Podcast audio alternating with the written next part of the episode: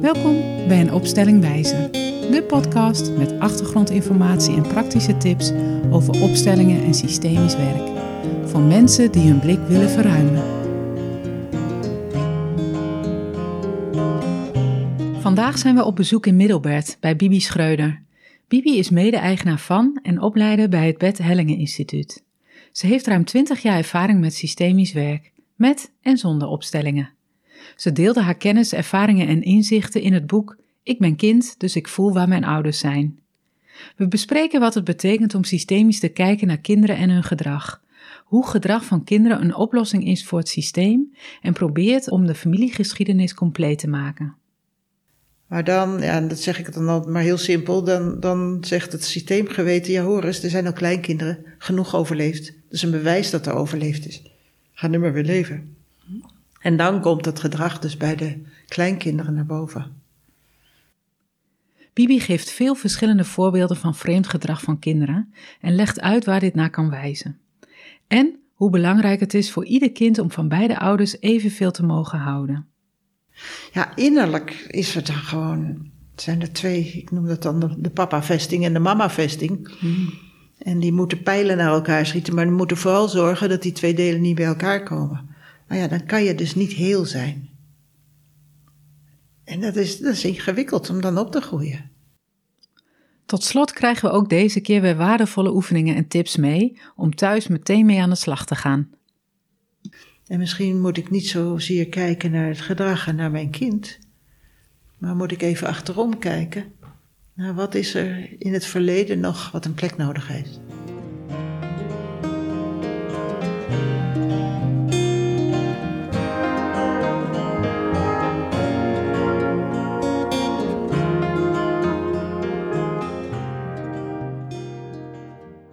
Nou, Bibi, we zitten hier uh, bij de drie S of de drie linden. De zes linden, ik ben in de war. De drie S, hè?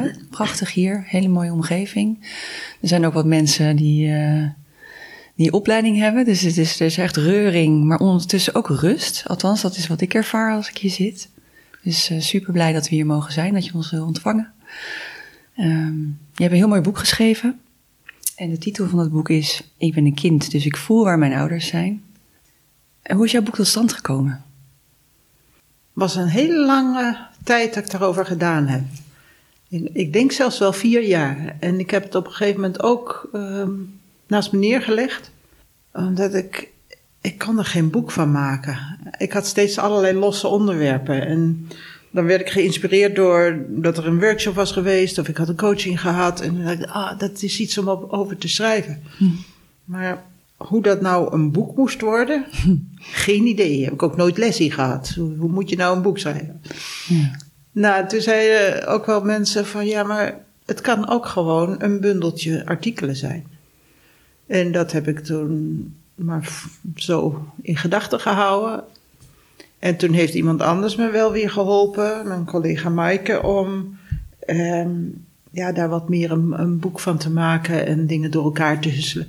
En het was eerst heel vreemd voor me, van ja, maar dan moet toch eerst dat hoofdstuk en dan niet dat. En, maar ja, uiteindelijk is dat een mooi boek geworden. Ja. Uiteindelijk stond er, ontstond er een geheel. Ja, ja, Als je het dan over systemisch hebt. Ja. En het is echt gebaseerd op jouw ervaring vanuit opstellingen, heb ik begrepen. Hè? Vanuit opstellingen en ook vanuit systemisch coachen zonder opstellingen. Oké, van beide. Ja, dus echt heel erg het, het systemisch gedachtegoed toepassen. Elke keer door, ja, als je een vraag kijkt, moet je denken van hoe zit dit systemisch? En dat vind ik dus ook zo leuk om dat dan uit te vinden. Wat, wat is dat? Ja. Terwijl soms uh, ja, ouders zijn met allerlei uh, verschrikkelijke problemen met hun kinderen. Ja, het is toch mijn, mijn interesse wat ik, wat ik daarin leuk vind. Ja, en wat, wat drijft jou daar, daar dan? Uh, wat is jouw drijfveer daarbij? Je hebt de interesse? Nou, vooral het leren, denk ik. Ja. Dat ik elke keer zelf weer iets van kan leren. Ja. En wat is uh, hetgene wat je het meest hebt geleerd voor jezelf daarin? Al die uh, ervaringen, kennis die je hebt opgedaan. Nou, ja, toch het durven geloven dat het werkt als ik zonder oordeel, zonder ideeën om iemand te willen helpen, gewoon aanwezig ben en me open voor alles wat er in het systeem kan zijn, dat dat dan een effect heeft En als ik dan werk met ouders bijvoorbeeld, dat het dan ook nog eens effect heeft op het gedrag van kinderen. Hmm. Ja, dat, dat blijf ik nog steeds iets wonderlijks vinden, maar ik moet er zo langzamerhand wel in geloven. ook van de, de, mensen die in de opleiding systemische pedagogiek zitten, die dan weer met voorbeelden komen. Net vorige week kreeg ik een appje van iemand die zei: Nou, ik, ik snap het haast niet, maar ik heb met een moeder gewerkt waar een meisje zwaar suicidaal is. En uh, ik heb eigenlijk alleen maar geopperd dat het mogelijk ook in het systeem zit. En ik heb tegen die moeder gezegd: Mijn hart staat open voor alles wat er in jouw systeem gebeurd is. Hm. Nou, ze zal vast nog wel meer gezegd hebben, maar dat is wat ze schreef. En het meisje heeft geen zelfmoordgedachten meer. Hm. Ja. ja, dan heb ik altijd zoiets, nou moet maar even afwachten hoe lang. Maar het heeft dus wel effect. Ja. En dat is dan het openstellen van je hart voor alles. Ja, dus eigenlijk kan je je eigen lichaam en je eigen hart gebruiken om het systeem van een ander compleet te laten zijn. En dat maakt vaak dat mensen zelf ook makkelijker hun hart kunnen openen voor dat wat er in de geschiedenis gebeurd is. Ja, en dat wat dus in die geschiedenis nou, weggestopt is. Ja, ja. ja. want het is een van de beste overlevingsmanieren om, als er iets vreselijks gebeurd is, iets pijnlijks, om er dan maar niet meer over te praten. En het, uh, ja, ook maar niet meer aan te denken. dat is wat, uh, wat ik dan de kindillusie noem. Mm we kunnen allemaal dus heel goed doen alsof iets niet gebeurd is. En dat helpt. Ja. Alleen het vervelende is, dat systeem wil toch compleet worden. Ja. Dus dat grijpt dan later een, een kind of een kleinkind of een achterkleinkind om dat weer in het, in het gedrag te laten zien. Ja. zij gaan dan gedrag vertonen wat niet te verklaren is, of wat, nou ja, wat, uh, wat volwassenen dan als uh, vervelend of uh, ja naar ervaren. Ja, en vooral zodra je gedrag niet snapt, dus als dat het vreemd gedrag is, mhm. dan kan je dus eigenlijk al van uitgaan dat het niet gedrag is wat de reactie is op het hier en nu. Het is dus kennelijk niet. Als iemand zomaar eh, gaat huilen en elke keer weer gaat huilen. En er is geen aanleiding toe. Dat is vreemd. Als iemand een klap krijgt en die gaat huilen, ja, dat is logisch. Ja. Dan, daar hoef je geen zorgen over te maken. Mhm. Maar als het dat vreemd gedrag is, dan zou je dus kunnen nadenken: hé, hey, is dit gedrag wat misschien iets probeert weer in beeld te brengen, wat lang verzwegen is of wat lang nou, onderdrukt moest worden? Ja. Heb je daar uh, concreet een voorbeeld van? Van uh, iemand, uh, van een kind die, die nou ja, misschien veel helden en onverklaarbaar gedrag had? En, iets nou, aan het licht heeft gebracht daarmee? Ja, um, vele. nou, dat is bijvoorbeeld, dat heb ik ook in het boek beschreven, een meisje waarmee de ouders kwamen met letterlijk ook, ze heeft onmogelijk gedrag. Hm. En op de een of andere manier, toen ze dat zei, dat woord onmogelijk, dat uh, kwam bij mij uh, en bleef bij mij doorrinkelen. Ja. En toen we de hele familiegeschiedenis eens langs gingen, bleek dus dat, ik geloof de oma van de moeder, die was geboren en bij haar geboorte is haar moeder overleden. Hmm. En toen de vader, die dus overbleef met een, een klein kind en een dode vrouw en een heleboel andere kinderen, was radeloos en heeft al die kinderen over de familie verspreid of in pleeggezinnen. Dus die, dat hele gezin was uit elkaar gehaald. Nou, voor al die kinderen moet dat dus verschrikkelijke emoties gegeven hebben. Gevoelens die onmogelijk bij elkaar komen zijn. Leuk, we hebben een nieuw zusje. En dat zusje heeft onze moeder vermoord. En uh, vader was radeloos. Die zouden we eigenlijk moeten helpen. Maar die heeft ons allemaal verplaatst. Dus zoveel, dan kan je beter al je gevoel maar gewoon afsnijden of onderdrukken. En dit meisje waar die moeder of die ouders voor kwamen, dat deed gewoon heel vreemd. Elke keer of ze, ze greep de moeder vast en was helemaal radeloos en moest bij die moeder blijven. En het andere moment was ze de kleine zusje zo ontzettend aan het treiteren dat ze die moeder ook weer helemaal radeloos maakte. Ja, ja. dus dat onmogelijke gedrag en dan die twee soorten gedragingen. Het, zo vreemde reacties. Ja, en dan is het eigenlijk heel logisch als je dan teruggaat naar dat verhaal. Wat voor gevoelens moesten er allemaal onderdrukt worden? Nou, je kan een baby niet de schuld geven van de dood van je moeder. Nee. Dus dat wordt onderdrukt. Maar het gevoel is er wel. Ja. Dus het treiteren van het kleine zusje was misschien dat wat aan die gevoelens onderdrukt was. En het vastklampen van moeder, van mama, je mag niet gaan, Ja. had dus misschien ook helemaal niks met dit meisje te maken, maar met de oma. Tja. Nee, dus dat vond ik zo bijzonder om uit te vinden, gezamenlijk met die ouders, met een opstelling van, ah, zo, zo werkt dat. En dan werk je met de ouders. Ja, Kindje, het meisje was daar niet bij. nee. Nee. Nee. Weet je, kinderen werken al hard genoeg voor het systeem. En ook, eh, er zijn wel mensen, gerenommeerde opstellers, die wel met kinderen werken. En ik heb bijvoorbeeld vaak met, eh, met Ingrid Dijkstra ook gezien, die doet het prachtig. En toch, ik kreeg na afloop, dan, dan was er een kind die zat met een big smile te kijken van, wauw, mooi, dit is nu opgelost in deze opstelling. En dan na afloop kreeg ik een baksteen in mijn buik. En eh, een aantal keren. En toen dacht ik, ja, wat is dit? Dit kind is misschien wel door het doen van een opstelling alsnog aan het werk voor de ouders. Misschien is het niet. En ik denk ook dat, dat Ingrid heeft ook prachtige eh, opstellingen en ik denk ook fantastische resultaten. Maar voor mij werkt het niet. Dus, eh, Ja, en daarmee ik heb doe gewoon je- vrij strikt het principe, ik werk niet met kinderen. Ja, ja. ja, want dat werken wat je dan bedoelt, dat is dat ze dus, omdat de ouders een probleem hebben, dat zij dus nou ja, dat dan toch weer aan het oplossen zijn door Ja. deel te nemen aan Ja. zo'n opstelling.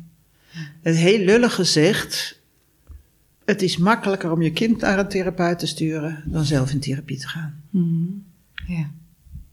En, en dat bedoel ik niet beschuldigend, maar het is logisch als je, als je gedrag ziet bij kinderen, dat je niet snapt dat het kind dan iets nodig heeft. Dus dan ga je naar een kindercoach of naar een therapeut of naar een- wie dan ook. Ja, want je wil het fixen. Ja, ja, uit beste bedoelingen. ja. Ja. En, en ook dat is niet slecht. Alleen heel vaak zie je dat daaronder nog iets zit dat het kind eigenlijk heel hard aan het werk is. Of misschien nog niet eens het kind, maar het gedrag van het kind heel hard aan het werk is om dat systeem, om dat, dat geschiedenisboek van de familie weer eens compleet te hebben. Ja. Alleen het uitzicht vaak in vreemd gedrag. En ja, dat snappen we niet. En dat is hetgeen wat zichtbaar is natuurlijk. Ja. En je bent al heel wat jaren eh, natuurlijk bezig met systemisch werk. Jaren negentig al, hè, dat je daarmee begon. Als je zo door de loop van de jaren zo heen kijkt, zie jij dat er op jouw vakgebied, dus als we het hebben over gedrag van kinderen en opvoeding, dat daar in de loop van tijd, is daar een trend in waar te nemen? Zijn daar veranderingen in die jou opgevallen zijn? Ja, heel veel. Ik denk dat pas, wat je zegt, jaren negentig. Ik denk dat pas zo gedurende de eerste vijf jaar van na 2000 een beetje helder werd hoe systemen nou werkelijk werken. Oké. En heel veel opstellers daarvoor keken toch vaak met een psychologische bril. In die zin dat ze vooral keken naar het gezin van herkomst. En veel minder naar wat er transgenerationeel ook meekwam aan bagage. Ja.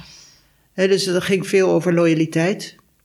En dat is natuurlijk ook heel goed, want ja, daar kan je ontzettend veel mee werken als je ziet hoe loyaal een kind is aan de ouders en daarom gedrag blijft eh, vertonen wat de ouders ook eh, vertonen. Maar zoals het voorbeeld wat ik net vertelde van een meisje wat dus iets probeert weer in beeld te krijgen van een grootmoeder en de broers en zussen van de grootouders. Ja, dat, dat is Het gaat onbegrijpelijk als je met een psychologische bril kijkt. Ja. Ja. En ik zeg psychologische bril. Nou, tegenwoordig is ook in de psychologie begint dit langzamerhand zo een beetje door te druppelen, gelukkig. En ja, er, er werd dus in het begin ge- gauw gedacht met het idee van we gaan kinderen helpen. We gaan dit met kinderen doen. ja. En ik had steeds zo van, nee, dat, dat is het niet. En ook bijvoorbeeld, ehm, ik kwam uit het onderwijs en mensen vanuit het onderwijs en die al systemisch werk hadden gedaan, die eh, vroegen me steeds, wanneer ga je nou iets doen voor het onderwijs? Want dit moet in het onderwijs, dit is zo goed voor het onderwijs. En ik had echt zoiets van, ja, opstellingen doen in de klas. Dat, dan krijgt de leraar er nog eens een taak bij. En leraar is geen therapeut, maar een leraar. En bovendien, maar dat wist ik toen misschien nog niet, maar dat snap ik nu wel, was mijn weerstand ook van stel dat een leraar een familieopstelling zou gaan doen met een kind, dan mengt hij zich in het systeem van de familie en dan kan hij zijn werk eigenlijk niet meer doen. Nee. Hè, dus ik, het heeft lang geduurd voor ik opeens doorkreeg: ah, maar we hoeven helemaal niet met opstellingen te werken. De kennis die we gekregen hebben over systemen door opstellingen, die kan je toepassen in het onderwijs. Eigenlijk alleen maar door die innerlijke houding. En wanneer een leraar naar gedrag en naar kinderen kan kijken met ogen van: oh, hmm, vreemd gedrag, dit zou wel eens te maken kunnen hebben met hun systeem. En dan misschien zelfs wel met een, een soort deemoed kijken naar, ach, wat is zo'n kind hard aan het werk. In plaats van geïrriteerd zijn van, wat doet hij vervelend. En dat heeft al zo'n enorm effect. Ja, Dat is die- echt dat elke Dat is voelbaar, ja. Ja. Dus toen ben ik, ik denk dat dat in 2006 was. Of 2004, ik ben het vergeten. ehm, dat ik de opleiding Systemische Pedagogiek ben begonnen. En dat was dus de eerste opleiding zonder opstellingen. Puur en alleen over ja, kennis hebben over systemen en die innerlijke houding. En is dat dan een eh, soort nascholing voor docenten of is het onderdeel van, eh, van een PABO-opleiding? Of Nee, helaas niet. Oh, alle mensen die bij de PABO werken, dit is een heel mooi... Nee, dit is dus geen, nee, maar het is dus Nou geen ja, standaard eh, onderdeel van hoe, hoe, hoe docenten ik geschoold bied, worden. Ik bied de opleiding systemische pedagogiek aan. En daar komen veel docenten, leerkrachten, maar ook eh, kindercoaches, kinderpsychiaters, eh, ja. van alles wat. Gisteren sprak ik met iemand die werkt in, als GGZ-psycholoog met ouder en kind. Ja. Dus ja, Inhoudelijk zie- zie je daar ook nu andere problematieken meer naar voren komen dan een aantal jaar geleden? Zit daar ook verschuiving in? Het soort vraagstukken? ja, alleen ik weet niet of dat komt omdat ik ze nu op mijn bordje krijg. Ja. omdat ik er nu in geïnteresseerd ben. Maar in de 25 jaar dat ik les gaf, heb ik nooit een ADHD'er in de klas gehad. Ik had wel drukke kinderen. Dus het label maakt nu opeens ook dat je vijf ADHD'ers in je klas hebt. ja. En ja, dat is eh, altijd wel interessant. Als iets een naam krijgt, dan weet je zeker dat je er meer van krijgt. Want dan opeens wordt er van alles herkend. Ja. Ja. En ja, misschien ook wel dat het toch meer voorkomt tegenwoordig. Maar waar het nou precies een reactie op is, ik weet het niet. We hebben lang gedacht, iets, iets heeft vaak twee generaties nodig om weer in beeld te mogen komen. Dus dan zou het logisch zijn om te denken aan de Tweede Wereldoorlog. Ja. Daar is natuurlijk voldoende trauma geweest om te verzwijgen. Ja. Zou dat kunnen? Hè? De, de, de dynamieken van slachtoffer en eh, dader en ja. Eh, Onrust. Dat wat in de oorlog gewoon duidelijk was, wat goed was en fout was, was na de oorlog opeens heel ingewikkeld. Want opeens waren we weer Nederlanders. Maar ja, er waren fouten en er waren goede, maar eh, we moeten maar mee samenleven. Dus daar werd ook weer een heleboel verzwegen. Maar ik, ik geloof niet dat je daar zo één op één kan zeggen: dat is de oorzaak van de explosie van wat er nu allemaal is. Ik denk eerder dat we nu in een tijd leven dat we opeens heel erg gericht zijn op wat is er, wat is er. Terwijl vroeger misschien een kind gewoon achter in de klas gezet werd en hou je armen maar over elkaar en wees stil. Even terug naar de, naar de ouders. Hè. Als ouders zich uh, nu ook aan het luisteren zijn en zich zorgen maken om hun kind. Omdat ze mhm. inderdaad raar gedrag vertonen. Of, of bijvoorbeeld een kind hebben wat heel, veel, heel boos is.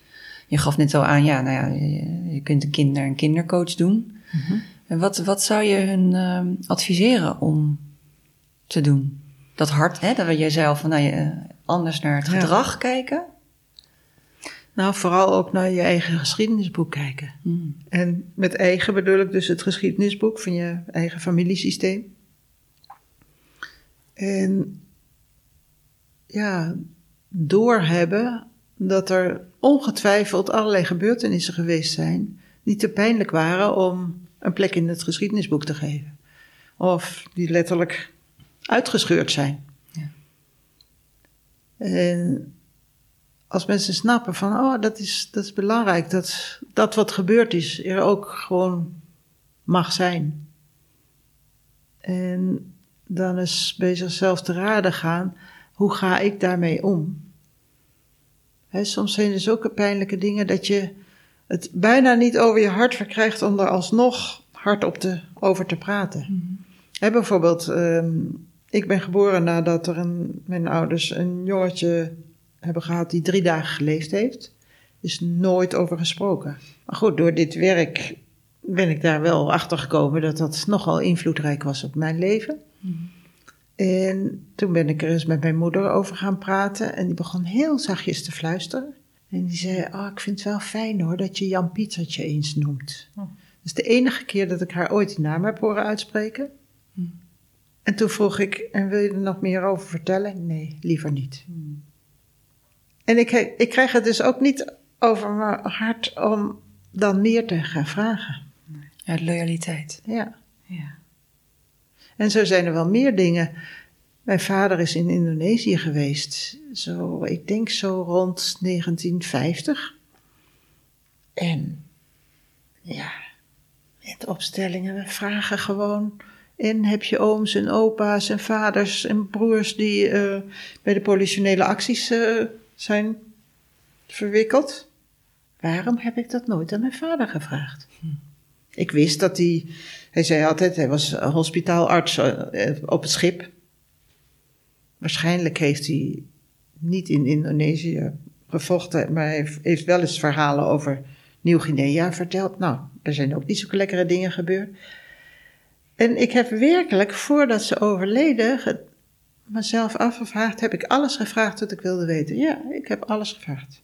En na een paar jaar denk ik, waarom heb ik dat nooit gevraagd?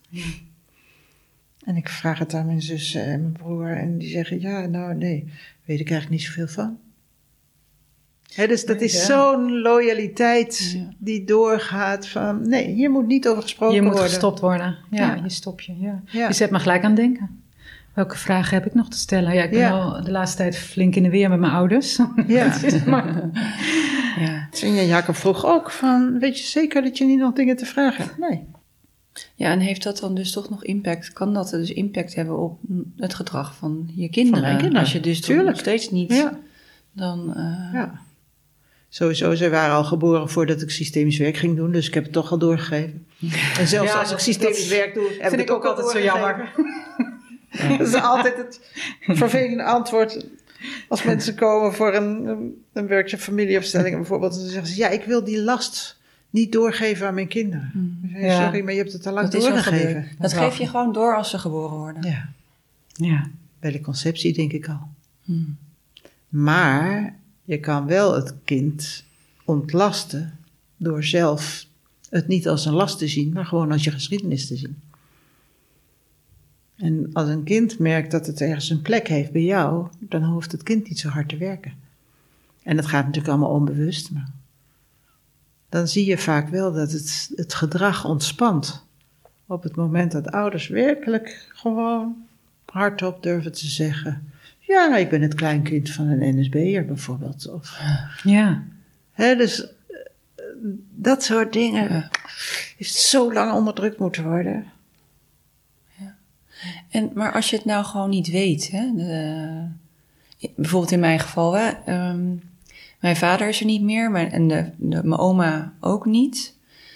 En zijn broers zijn ook allemaal overleden. Dus eigenlijk eh, zijn de kleinkinderen er nog en we weten dat er allerlei dingen zijn gebeurd. Dat frustreert mij enorm. Ik kom er niet achter wat het is. Niemand praat erover. En we hadden toevallig een paar weken geleden dus een familiebijeenkomst met alle neefjes en nichtjes. En dan probeer ik daar dan meer achter te komen. Maar niemand weet het. Het blijft vaag. En Ja. ik weet dus wel, er, is gebe- er zijn gebeurtenissen geweest. En dat mijn Ja. vader echt nare dingen heeft meegemaakt met zijn vader. En Hm. die heeft ook in Indonesië, heeft die, ik weet het, maar ik weet het niet. Nee. En nu? Ja. ja, toch.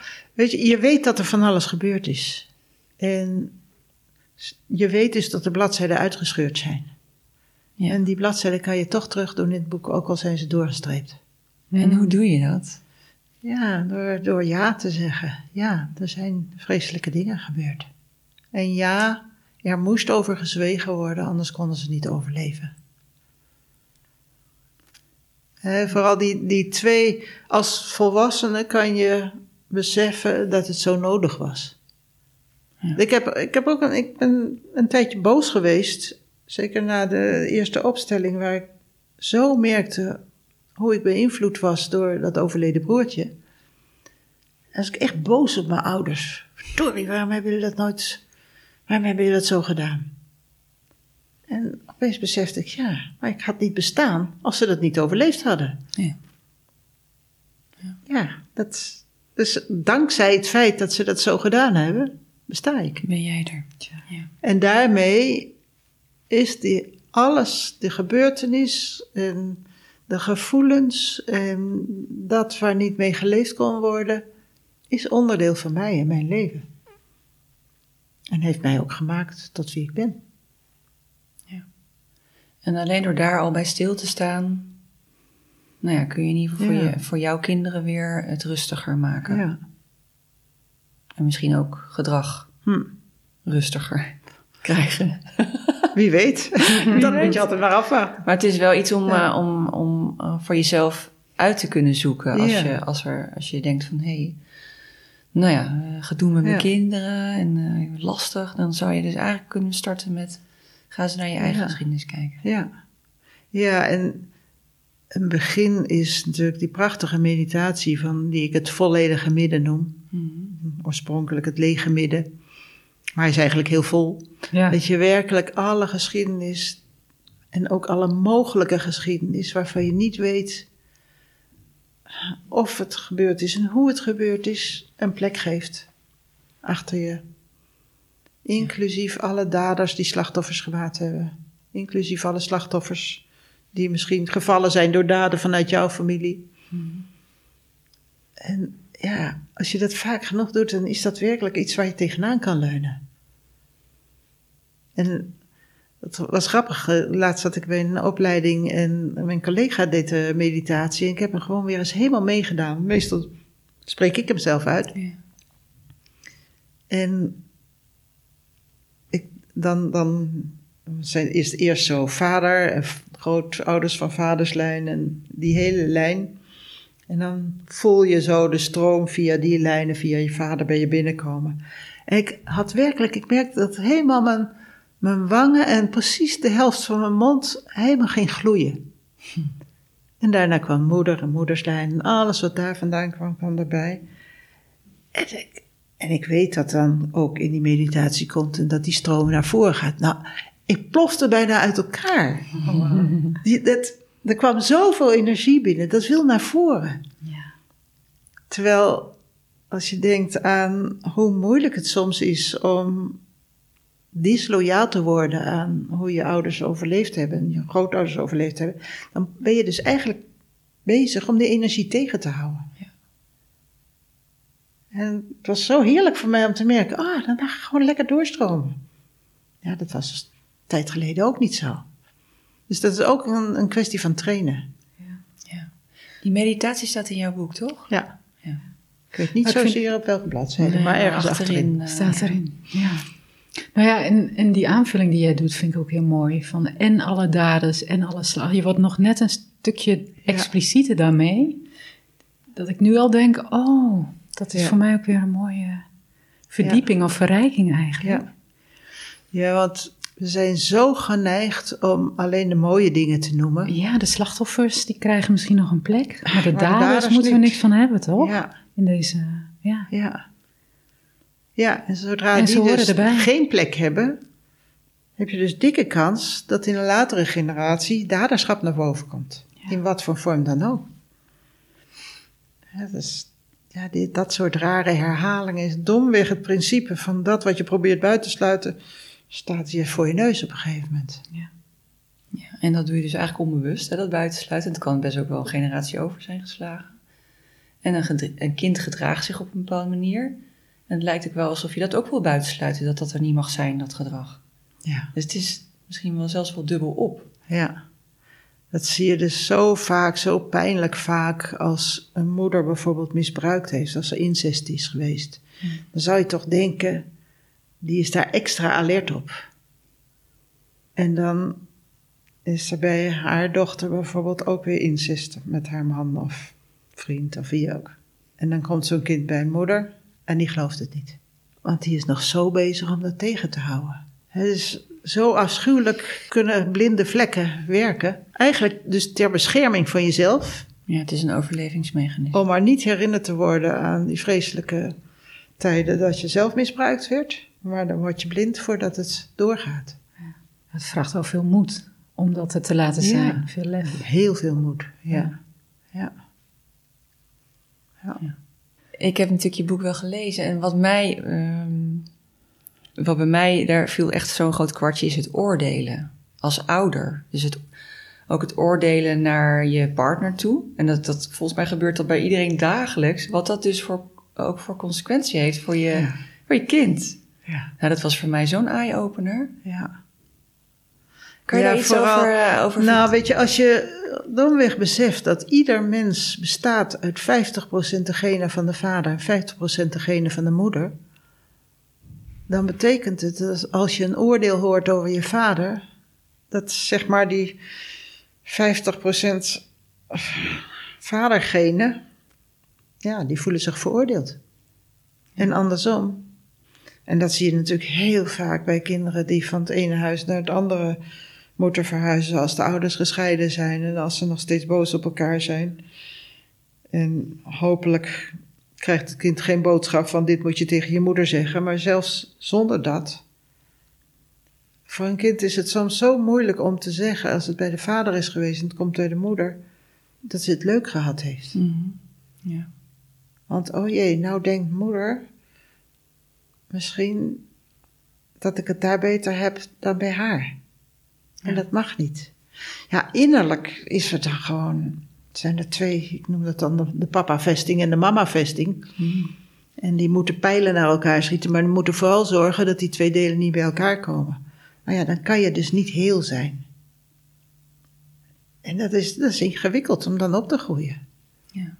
Ja, Maar in het klein gebeurt het dus ook, hè? Als, eh, als je als ouders, als je dan zegt van ja, maar papa heeft, weet je, je, je, hoort het iemand zo Tuurlijk, zeggen, ja. dan is dat dus eigenlijk ook al in het klein gebeurt Ja. dit ook, Ja, terwijl je gewoon bij elkaar bent. ja, En wat ik ook las is dat je zelfs ook eh, in de uitwisseling tussen leraar en ouders, ja, eh, nou, daar, zijn- daar gaan ook oordelen ja. heen en weer. Eh, ja, dat je gewoon dan je erboven, eigenlijk erboven gaat staan. Dat was voor mij ja.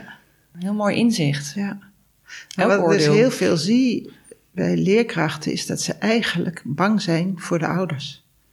En ouders zijn tegenwoordig ook behoorlijk mondig en soms echt- agressief.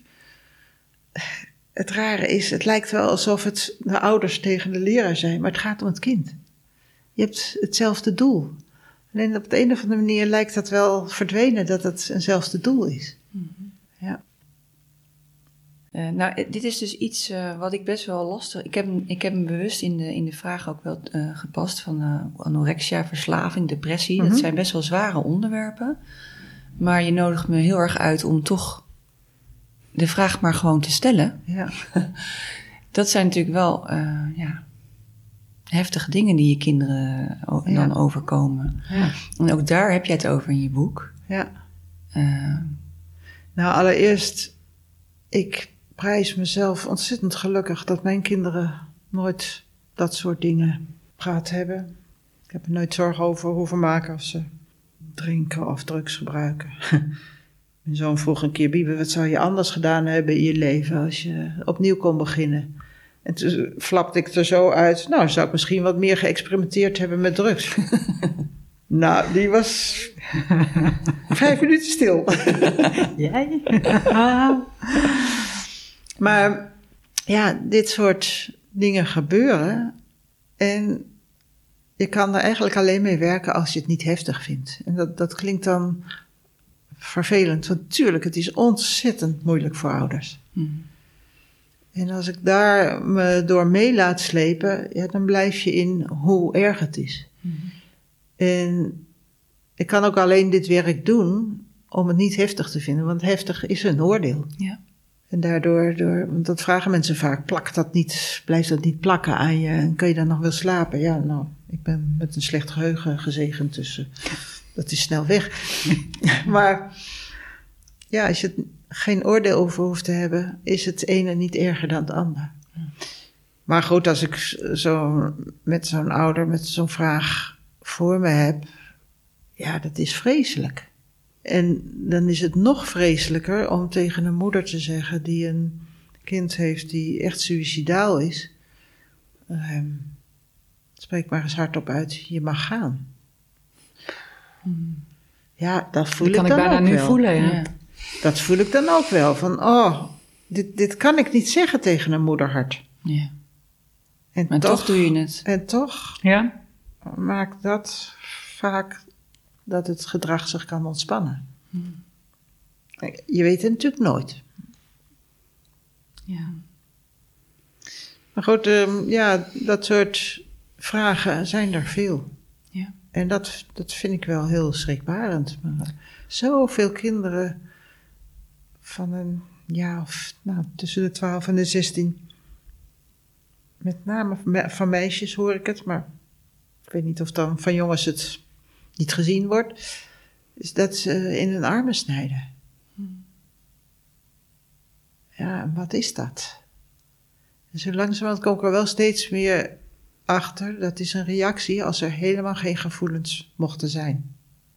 Ja. dus als er in het verleden zoiets pijnlijks is geweest dat de gevoelens afgesneden zijn, als bescherming, dan zie je vaak dat in een latere generatie dat, dat ventiel van die gevoelens gewoon open gaat. Maar als je niet kan voelen, dan is snijden misschien nog het enige wat leven geeft, wat gevoel geeft. Dus het rare is, het wordt zo vaak gezien als dat is dood willen. Maar misschien is het juist wel willen leven. Willen voelen. Willen voelen, ja. En een leven zonder gevoel is, is misschien wel dood. En tegelijkertijd is het vaak ook dat als er lang in de generaties geen gevoelens mochten zijn, dat er soms tot hypersensitiviteit komt in die volgende generaties. Ook weer dat ventiel. Ja, als die twee dingen bij elkaar komen, dan kan het dus onmogelijk zijn om te leven met zoveel gevoelens. Hmm. En misschien ook wel al die gevoelens die dus weggedrukt zijn. Om overlijdens, om daders, om slachtoffers, van wat dan ook. Uit de achtergrond. Dat is, dat is te veel. Dus ja, dan is het misschien wel een trek naar de dood. En, en wat doe jij dan met, met een ouder die met, uh, ja, met een kind komt die dus, ja. Wat me het meest bijgebleven is, is een opstelling die ik in Brazilië gedaan heb. Van een uh, man die kwam met, uh, ja, mijn dochter sinds drie weken geloof ik, of drie maanden, weet ik meer. Um, snijdt zich in de armen en is onbereikbaar. En toen deden we een opstelling en ik, ik vroeg hem, als ik nu je vrouw zou vragen of jij kan voelen, wat zou ze zeggen? Toen zei hij lachend, oh ja, nee, dan zegt ze dat ik niet kan voelen. En daar kwam uit dat hij had in een vorige relatie had hij een kind verwekt en een abortus, was een abortus geworden. Nou, ik, we hebben het gewoon opgesteld. En toen stelde hij een hele jonge man voor zichzelf op. En die stond er werkelijk bij als een zoutpilaar. Was onbereikbaar. En ook een representant voor de, zijn dochter. En toen een representant voor die abortus. En dat is niet alleen het kind wat geaborteerd is, maar ook alle ingewikkelde, conflicterende gevoelens die je hebt rondom een abortus. En er gebeurde werkelijk helemaal niks in de representant van die man. Bleef er gewoon als een zoutpilaar staan, terwijl die abortus behoorlijk probeerde de aandacht te krijgen, de representant daarvan. Ja, uiteindelijk heb ik de, de echte man meegenomen en contact laten maken met zowel zijn eigen representant en laten zeggen van, goh, dat was traumatisch, hè? En toen naar de abortus en um, ja, die nam die meteen al zo'n beetje in zijn armen. Zo. En uh, de organisator uh, vertelde me een maand later van, uh, oh, ik kwam die man tegen en ik vroeg hoe gaat het. Toen zei hij, ja, mijn dochter is op dat moment weer heel erg toegankelijk en ze heeft zich niet meer in de armen gesneden. Ja. dus de gevoelens die hij moest kwijt zien te raken over een abortus. En ik geloof ook dat dat de relatie gekost had. Die kwamen er dus door het snijden weer naar boven. Daar zat één generatie tussen. Ja. Ja. Ja, dus je weet dus nooit precies wat het is. Ja. Ik zeg vaak, het is logisch, zeker voor, voor opstellers, om in je hoofd te houden dat het in de generatie van de grootouders is. Ja. Omdat de kinderen van degene die een traumatische ervaring hadden, die moeten ook overleven. Dus die gaan gewoon mee in het overlevingsmechanisme. En de kinderen daarvan, die gaan er ook in mee. Maar dan, ja, dat zeg ik dan altijd maar heel simpel, dan, dan zegt het systeemgeweten, ja hoor eens, er zijn ook kleinkinderen genoeg overleefd. Dat is een bewijs dat er overleefd is. Ga nu maar weer leven. En dan komt het gedrag dus bij de kleinkinderen naar boven. Maar bijvoorbeeld in, in mijn geval, het kan dus ook in de kinderrij. Ik ben opgegroeid als nummer vier, maar ik ben nummer vijf. Ja, mhm. ja dat alleen al geeft gedoe in, in een lichaam wat niet weet wat de plek, waar de plek is. Wat is um, voor jou een wijsheid of iets wat jij geleerd hebt, wat je, waarvan je denkt, dit zou eigenlijk iedere ouder of iedere volwassene die met kinderen bezig is, werkt of opvoedt, moeten weten? Nou, het eerste wat bij me binnenkomt is die uitspraak van Marianne Franke. Het is het grondrecht van ieder kind dat het van beide ouders evenveel mag houden. Oh. En dat wordt natuurlijk zo vaak, wat je al zei, gewoon, je bent even boos op je partner. En, hé, waarom doet hij dat nou? En een kind krijgt misschien meteen al, uh, mag niet van papa houden, want hij doet iets fout. Ja. Dus als je dat in je hoofd houdt, en het betekent niet dat je nooit mag, mag klagen over je partner, dat is onzin. Dat is ook onderdeel van het leven. En dat is ook onderdeel van het leven van kinderen om om met de ingewikkeldheden van loyaliteit om te gaan. Mhm. Maar dat besef, als je dat werkelijk in je kan laten dringen, ik denk dat er dan toch wel bij, bij scheidingen en zeker ook bij, bij scheidingsmediators, ja, meer aandacht kan zijn voor wat, wat is goed voor de kinderen. Ja.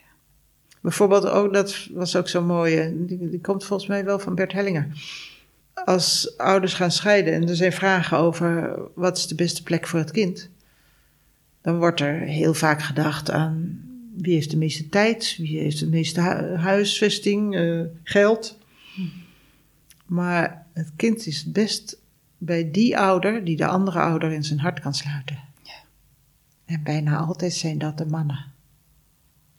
Vrouwen zijn niet zo makkelijk in hun hart te openen. Mm. Die, die houden heel gauw heel lang nog de, de wrok. En ja, als je nog steeds kijkt, gros van de kinderen blijft het grootste gedeelte bij de, bij de moeder. Bij de moeder, ja. Ja, en ook een, een andere in, in dat kader. Ouders kunnen niet scheiden. Partners scheiden. Alleen het vervelende is, als je als partner gaat scheiden, blijf je dus altijd als ouder verbonden.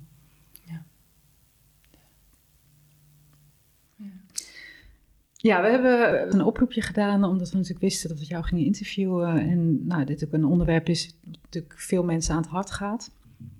Om te kijken van nou, welke vragen leven er. Ik zal de eerste even, even voorlezen. Onze zoon is vaak boos en regelmatig zo boos dat hij ons fysiek aanvalt.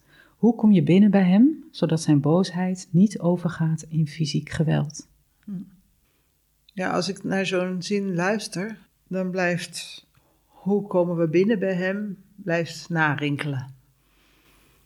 En ik heb geen idee wat dat betekent, maar mijn eerste reactie is denk ik wel dat ik tegen die ouders zou zeggen: En hoe zit het met jezelf? Kan je, wat kan je binnenlaten? Of wat sluit, heb je misschien buiten te sluiten om überhaupt te kunnen overleven? En ja, boosheid is vaak gewoon een boosheid van een kind is dat wat er door het ventiel komt, wat heel lang weggestopt is geweest. En dat is niet altijd boosheid, maar heel vaak onmacht. En dus als er ergens een situatie is geweest waar iemand niet bij machten was om adequaat te reageren, of wat, wat fatale gevolgen heeft gehad, ja, dan is dat een goede reden om dat lang verzwegen te houden. Want dat heeft, als je je onmachtig voelt, voel je je ook vaak schuldig. En soms zit er ook schuld. Dus ja, dat zijn zulke pijnlijke gevoelens. Vooral het mhm. hebben van schuld is te pijnlijk om toe te laten vaak. Mhm. En dan weet je nooit hoe dat zich later gaat uiten. Maar als je andersom rekent, wat is boosheid? En wat doet de boosheid? Die sluit zichzelf helemaal af. Of die sluit de jongen helemaal af. Dus in feite maakt hij zichzelf heel eenzaam. Hmm. En ook onaantastbaar. Dus als je gaat kijken dat soort gedragingen, of wat, wat het gedrag allemaal voor effecten heeft, dat kan je soms weer passen op wat voor gebeurtenissen er vroeger geweest zijn. Ja, dus het heeft een functie en die functie is misschien een gebeurtenis die zo heftig is geweest dat er afgesloten moest worden. Ja. Is dat wat je ja. zegt? Ja, zoals bijvoorbeeld bij verslaving, en met name drugsverslaving. Ik weet niet hoe het jullie vergaat, maar als ik een drugsverslaafde op straat zie, ga ik er liefst met een grote boog omheen. En ik ken ook genoeg mensen die een drugsverslaafde zoon of, of broer hebben. En die voelen zich zo machteloos. En toen begon ik opeens te bedenken: oh, wat doet eigenlijk de drugsverslaving? Die neemt de macht over. Je hebt zelfs niet meer de macht om, om te stoppen, bijvoorbeeld. En ook nog eens de omgeving gaat zich machteloos voelen. Ja. Dus dan is het interessant om eens te kijken wat voor gebeurtenissen zijn er geweest waar iemand bijvoorbeeld verantwoordelijk was, maar niet bij machten om die verantwoordelijkheid ook uit te voeren. En deze gedachte werd getriggerd toen ik een keer een opstelling deed over iemand die, uh, zoals hij zelf zei, verslavingsgevoelig was. En daar was een opa die in de oorlog met de hele familie in een schuilkelder zat. En toen op een gegeven moment zei de opa tegen zijn hele gezin: uh, Het is veilig, we kunnen naar buiten. En die liet de anderen voorgaan. En toen werd een handgranaat naar binnen gegooid. En deze opa en ik geloof nog een één dochter of zo heeft het overleefd. En de moeder en een kleine baby niet. dus daar moet zo'n schuldgevoel geweest zijn. Ik heb gezegd dat het veilig was en het was niet veilig. Hij was totaal niet bij machten. Dus volledig machteloos. En het was natuurlijk ook zijn schuld niet. Hè, maar dat, ik kan me zo voorstellen dat je hier nooit meer over kan hebben. Dat is te pijnlijk. Ja, dan zie je dus dat er opeens zo'n patroon komt van iets anders gaat de macht ook overnemen. Ja. En ik kwam er vooral dus achter door. We concentreren ons vaak op het drugsgebruik en wat heeft dat te vertellen. Maar het is misschien, ik kreeg meer door door te kijken naar en wat heeft het drugsgebruik weer in de omgeving aan effecten. Ja. En ik weet niet of het bij al het drugsgebruik, zulke soort dingen eronder zit. Maar het is wel interessant om gewoon als, nou, op je checklistje te zetten als je systemisch werkt. Van, hé, hey, is er iets van machteloosheid ergens? Ja. In ieder geval die vraag en, te stellen. Ik dwaal nu af naar drugsgebruik, omdat ik dat voorbeeld in mijn hoofd kreeg. Maar uh, boosheid is de makkelijkste uh, te uiten emotie. Heel vaak zit er onder boosheid of machteloosheid of verdriet of pijn. Dus we, we, zien vaak de boosheid. Nou, iemand die heel boos is, dat, dat raakt jezelf ook. En meestal word je dan zelf ook boos. Of je vlucht weg. Ja. Of je bevriest. Of je bevriest. En dan kan je dus niet meer voelen dat er misschien eigenlijk wel pijn onder zit. Of diepe eenzaamheid. Of dus welke vraag, hè, als we even teruggaan naar die luisteraarsvraag, mm -hmm. welke vraag zou jij stellen aan de ouders? Nou, misschien wel van wat mag er bij jou allemaal niet binnenkomen? Ja. Heeft dat misschien weer een systemische oorzaak? En, en logisch zou natuurlijk ook om te, te denken en daar misschien ook letterlijk vragen over te stellen. Wat voor soort boosheid heb jij meegemaakt in je jeugd? Iets van jezelf? Of was er iemand heel boos op je? Of was je bang voor boosheid? Ja. Hmm. Bibi, heb jij nog een um, systemische oefening voor luisteraars? Uh, voor ouders of juist voor kinderen? Of ouders wat ze met kinderen eventueel kunnen doen? Nou, wat je altijd kan doen op het moment dat je zeg maar vreemd gedrag ziet bij je kinderen, dat je je voorstelt dat het gedrag sowieso los is van je kind. Dat je een kind hebt. En dat je, ja, je kan dus eigenlijk in je verbeelding kan je een, een representant opstellen voor je kind. Een representant voor het gedrag. En dat je dan ook een representant ziet voor datgene waar het gedrag naar wijst. Hmm. Zonder dat je hoeft te weten wat het is. Maar dat je alleen al ontrafelt en elke keer weer beseft: oh ja, dit gedrag probeert iets aan te wijzen voor mij. En misschien moet ik niet zozeer kijken naar het gedrag en naar mijn kind, maar moet ik even achterom kijken naar wat is er in het verleden nog wat een plek nodig heeft. Hmm. En Mooi. dat is ook een oefening die ik vaak met representanten doe. Ja. Echte, met echte Ja. representanten. Oh, Ja. En opeens zie je dan, ah, oh. Alleen vaak al de ontrafeling. Ja. Dat is wel een mooie oefening. En Hm. eh, ze kunnen dat visualiseren. Of kan je het ook Ja. met... Ja, je kan het ook eh, papiertjes neerleggen bijvoorbeeld. We hebben allemaal natuurlijk geleerd dat eh, als je boos wilt reageren, dat je even tot tien moet tellen. En oké, even goed professioneel reageren. En zo kan je dus ook trainen in ah, even denken, hmm, misschien is dit gedrag heel hard aan het werk. Ja. En alleen dat al Ja, dat geeft je- een andere houding. Dat is grappig, je ja. gaat meteen tegen je stoelleuning dan aan. Ja, hè? Ja. Ja, Ja. ja, Nou, ik dacht dat kan mooi in die 10 seconden. ja. ja. ja. Heb je wat te doen? Hè, dus dat zijn, dat zijn inderdaad, dat kan je trainen. Ja, dat en dat moet je ook trainen, Dus- want dat gaat niet van de ene dag op de andere. Nee, dus dat is echt een praktische oefening die je jezelf moet aanleren. Ja, het is ook wel eh, mooi, want je zegt besef. tegen je kind eh, op een gegeven moment van, nou, eh, tel eerst maar eens tot tien, maar dan mag je in diezelfde tien seconden mag je dus eh, ook dat ontrafelen. Ja, Jij als ouder. ben je bijna aan het Ja. werk. Ja. Ja. ja en een ander is natuurlijk je, jezelf oefenen met dat volledige midden. echt jezelf toestaan dat je onderdeel bent van je hele familiegeschiedenis. Ja. ja. Heb jij die niet eens opgenomen? Heb je die, heb je, Mhm. Is die meditatie er? Nee, maar hij staat in het boek. Ja, in dat is grappig. wat veel mensen doen, is inderdaad sprekend voor zichzelf in. En ik weet zelfs mensen die dat eh, afspelen voor ze gaan slapen. Ja. Dat is wel een mooie tip. Ja. Jeetje, Bibi. Ik vond het een heel mooi gesprek. Heel Ja. waardevol. Fijn. Zijn er nog Ja. dingen die bij jou nog ehm, oppoppen waarvan je denkt, nou, dat had ik eigenlijk gehoopt, of dit wil ik nog even toch nog toevoegen? Vast wel, maar dat komt dan later. Ik heb Ja. zo'n slecht geheugen.